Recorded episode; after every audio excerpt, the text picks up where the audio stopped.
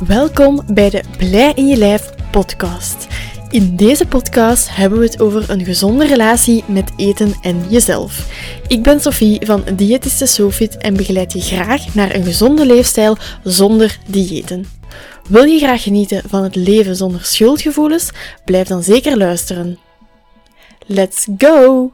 Zitten ondertussen al aan de tweede week van 2023. Wat gaat de tijd weer al snel? En dat wil misschien zeggen dat jij volop bezig bent met nieuwe voornemens die je voor jezelf hebt opgesteld vol te houden, of misschien zijn er al enkele gesneuveld. In deze podcast gaan we het niet hebben over voornemens, maar wel over nieuwe gewoontes. Ik spreek liever over nieuwe gewoontes dan voornemens, want bij voornemens zit er voor mij een beetje een negatieve bijklank van voornemens als iets dat we in januari ons voornemen, maar tegen februari lukt ons dan meestal niet meer. In deze podcast wil ik er dan ook voor zorgen dat je de voornemens die je misschien hebt voorop opgesteld, dat je die eens gaat evalueren, eventueel wat gaat aanpassen met de tips die hier gegeven worden, zodat je een nieuwe gewoonte gaat creëren. En een nieuwe gewoonte, dat geeft voor mij meer het gevoel van, oké, dat is echt iets dat ik wil blijven doen. Dus daarom gaan we het hier hebben over nieuwe gewoontes en niet over voornemens. Voor je nieuwe gewoonte kan gaan integreren, is het belangrijk dat je weet wat een gewoonte eigenlijk is. Een gewoonte is een handleiding die je op automatische piloot doet. En ons dagdagelijkse leven zit vol met gewoontes die we gecreëerd hebben. Want er is slechts 4% van wat we dagelijks doen dat bewust is en gepland en al de rest gaat gewoon automatisch onbewust, dus zijn gewoontes. En dat is nogal een geluk, want anders zou je dag al direct met heel veel denken beginnen. En dat is misschien nu al het geval, maar dan zou het dus nog erger zijn dat je opstaat en denkt, hoe moet ik mijn tanden poetsen? Hoe moet ik een boterham maken? Hoe moet ik mij klaarmaken om naar mijn werk te gaan? Maar ook bijvoorbeeld het autorijden, dat is een gewoonte die we onszelf hebben aangeleerd, waar we op dit moment misschien niet meer moeten over nadenken. En dat is nogal een geluk, want stel dat uw kinderen op de achterbank zitten en ze zitten te roepen of te wenen en jij zou moeten denken, oei, nu moet ik schakelen, of nu moet ik naar rechts draaien, of nu moet ik mijn pinker opzetten, en dan nog met uw kinderen ondertussen communiceren. Je kan je al voorstellen dat dat voor problemen zou zorgen. Dus we mogen dankbaar zijn dat er gewoontes zijn. Nu, bepaalde gewoontes gaan er ook voor zorgen dat onze nieuwe gewoontes niet gaan lukken. En we denken vaak, ja, maar bepaalde gewoontes die we nu gecreëerd hebben, die krijgen we niet meer ongedaan. Maar dat is eigenlijk niet waar. Want als je teruggaat naar het begin van corona, dan hebben wij op heel korte tijd afgeleerd om elkaar een hand te geven, om uh, kort bij elkaar te staan. Dat was op korte tijd was dat voor de meesten duidelijk. Is dat een nieuwe gewoonte dat we gecreëerd hebben? En ik weet van zodra dat corona een beetje verminderd werd en dat we dan terug wat korter bij elkaar stonden, vond ik dat zelf heel raar, want we waren dat niet meer gewoon. Dus dat is een heel duidelijk beeld van het lukt wel om bepaalde gewoontes te doorbreken. Maar je moet weten, voordat je een nieuwe gewoonte hebt, duurt het 60 dagen. Dus het is niet na één keer te doen, na één maand te doen, dat het een nieuwe gewoonte wordt. Het blijft wel ermee bezig zijn, eraan denken, je bewust van zijn en dan wordt het een nieuwe gewoonte. Denk ook maar aan autorijden. In het begin ja, heb je daar heel veel over moeten nadenken. Is dat misschien soms met heel veel stress verlopen. Maar als je nu al een tijdje je rijbewijs hebt, dan kan je dat nu wel. Dus weet dat dat tijd vraagt en geef jezelf ook die tijd. We gaan vaak ook streven naar we willen het direct allemaal kunnen, maar wat als we nu eens elke dag 1% verbetering brengen of 1% beter onze gewoonte kunnen doen, dan zitten we op het einde van het jaar aan 365%. Dus probeer echt te focussen op de kleine veranderingen die je goed doet. Want de valkuil waar we vaak intrappen, is dat we onze gewoontes heel groot willen gaan maken.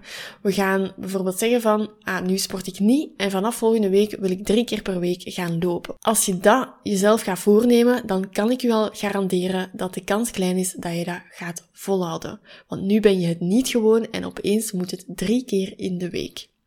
Probeer dat dan te gaan bekijken als kleine stapjes. Probeer al eens één keer in de week te gaan wandelen. Of één keer in de week te gaan wandelen en één keer te gaan lopen. Of starten met één keer te lopen. En als je dat kan, als dat een nieuwe gewoonte wordt, dan kan je naar twee keer gaan. Probeer het zo op te bouwen. We gaan ook heel vaak gaan focussen op het resultaat, terwijl het eigenlijk veel beter is om te focussen op de methode. Van hoe ga je er juist voor zorgen dat die nieuwe gewoonte een gewoonte wordt. We gaan vaak gaan zeggen, ik wil gezond leven. Dat is ten eerste al te groot, want gezond leven, dat zijn heel veel dingen dat daarvoor misschien moeten gebeuren om naar een gezond leven te gaan volgens jou.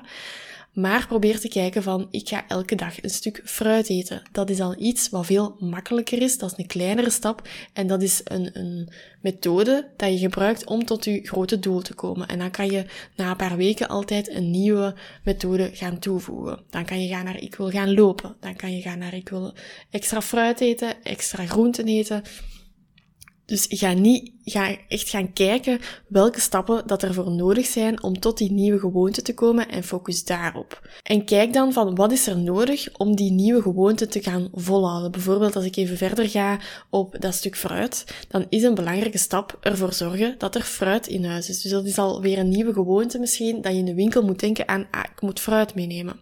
Van zodra dat in huis is, kan je ervoor zorgen dat dat fruit in zicht ligt. Want als je dat ergens van achter of van onder in je frigo gaat steken, ja, dan ga je daar niet aan denken. Je moet echt proberen je brein het zo makkelijk mogelijk te maken.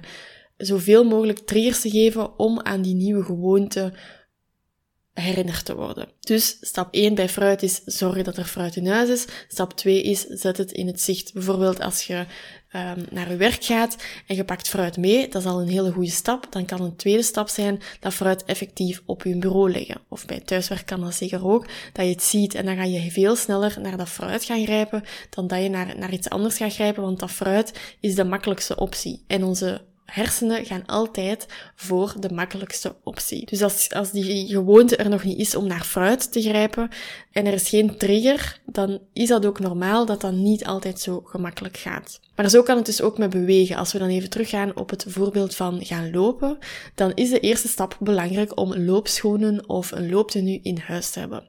Als die dan in huis is, zet uw loopschoenen dan in zicht. Bijvoorbeeld wilt je s'morgens gaan lopen voordat je gaat werken of voordat je eet, Zet uw loopschoenen dan aan uw bed. Leg uw looptenu al klaar.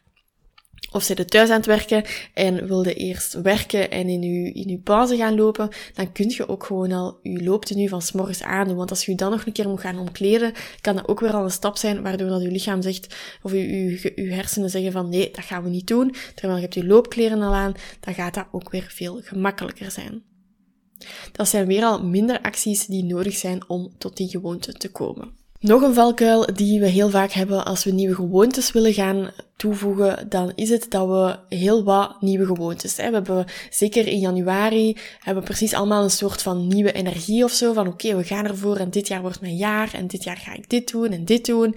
En dan gaan we heel wat nieuwe gewoontes willen gaan implementeren. Maar ook dat is een grote valkuil. Kies er één en focus hierop. Als je die onder de knie hebt, dan kan je verder gaan met een volgende. Dus je kan wel je gewoonte dat je zegt van oké, die wil ik gaan implementeren, schrijf die dan een keer op en gaat er met eentje aan de slag. Probeer uit de gewoontes die je hebt opgeschreven ook eerst te beginnen met diegene dat jou het makkelijkste lijkt. Als je direct begint met diegene die het moeilijkste lijkt, of het moeilijkste is voor jou, dan dan is er een kans dat je sneller gaat opgeven. Terwijl als je al twee nieuwe gewoontes hebt geïmplementeerd en er komt nog een derde bij die wat moeilijker is, dan ga je wat meer energie hebben, omdat het toch al twee gelukt zijn. Dus probeer ook daar voor je eigen niet te veel in één keer te willen en stap voor stap te werk gaan. Dus ga nu een keer kijken als je jezelf nieuwe gewoontes hebt voorgenomen of als je voornemens hebt gemaakt, ga dan een keer kijken of dat ze voor jou duidelijk genoeg zijn of dat ze niet te groot zijn? Is het duidelijk wat er nodig is om tot die gewoonte te komen? Als het toch een te grote is, dan kan je het opsplitsen en in kleinere subdoelen verdelen. Zoals bijvoorbeeld bij dat gezond leven. Dan kan je gaan naar fruit, naar bewegen. Dat dat e- eigenlijk allemaal kleine subgewoontes worden. Als je dat hebt gedaan en ze zijn specifiek genoeg, dan kan je gaan kijken welke stappen zijn er nu juist nodig om tot dat doel te komen en hoe kan je ervoor zorgen dat je dit jezelf zo makkelijk mogelijk kan maken? Dus ga echt even dat lijstje af, check het allemaal of dat het eraan voldoet. En dan ben ik heel benieuwd naar jouw nieuwe gewoontes. Dus die mag je mij zeker laten weten. Stuur mij gerust een berichtje op Instagram of um, op Facebook. Of je mag hier ook altijd een review achterlaten, want ik ben benieuwd dat jij hiermee aan de slag gaat. Als je zoiets hebt van, ik heb het doel om in 2023 niet meer op dieet te gaan, maar wel om te werken aan een gezonde leefstijl op lange termijn, dan ben je welkom in het gratis webinar Eten zonder diëten op maandag 16 januari. In dat webinar neem ik jou mee in de eerste stappen die hiervoor nodig zijn, maar ook de eerste stappen die jij moet zetten om te werken aan een gezonde leefstijl op lange termijn. Dus heb je het gehad om van het ene dieet naar het andere dieet te hollen zonder resultaat, dan is dit webinar zeker iets voor jou. Je kan je inschrijven via de link die je hier in de beschrijving vindt en ik hoop je daar zeker te zien. Tot de volgende!